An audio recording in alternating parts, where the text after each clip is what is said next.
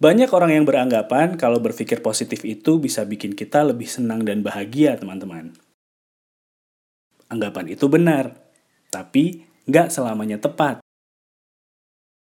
Di waktu tertentu, pikiran manusia bisa jadi sebuah racun yang sangat berbahaya. Menurut data dari Psychological Science Journal 2018 mengungkapkan, 3 dari 10 orang usia dewasa muda mengalami peningkatan stres setelah mendapatkan respon yang kurang empati dari orang terdekatnya. Kali ini kita akan ngomongin tentang toxic positivity, teman-teman. Di Millennials Corner, makna kata podcast, bareng saya, Fendi Rahman.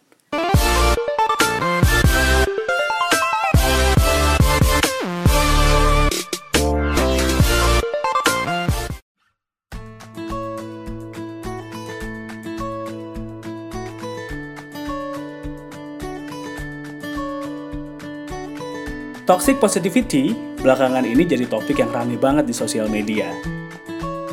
Warganet menyoroti perilaku yang kurang berempati sama masalah orang lain ini, teman-teman.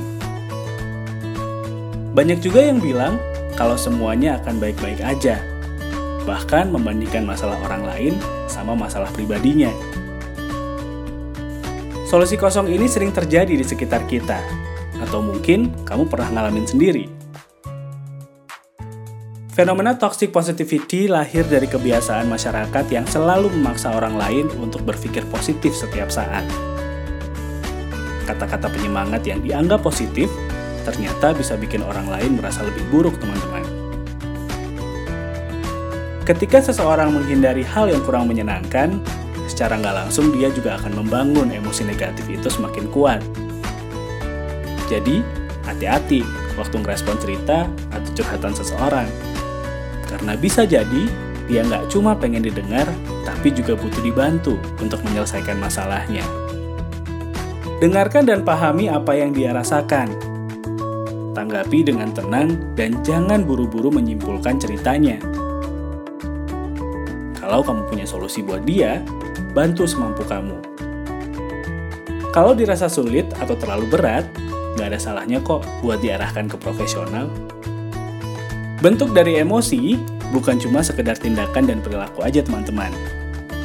Tapi juga cara berkomunikasi sama orang-orang yang ada di sekitar kita.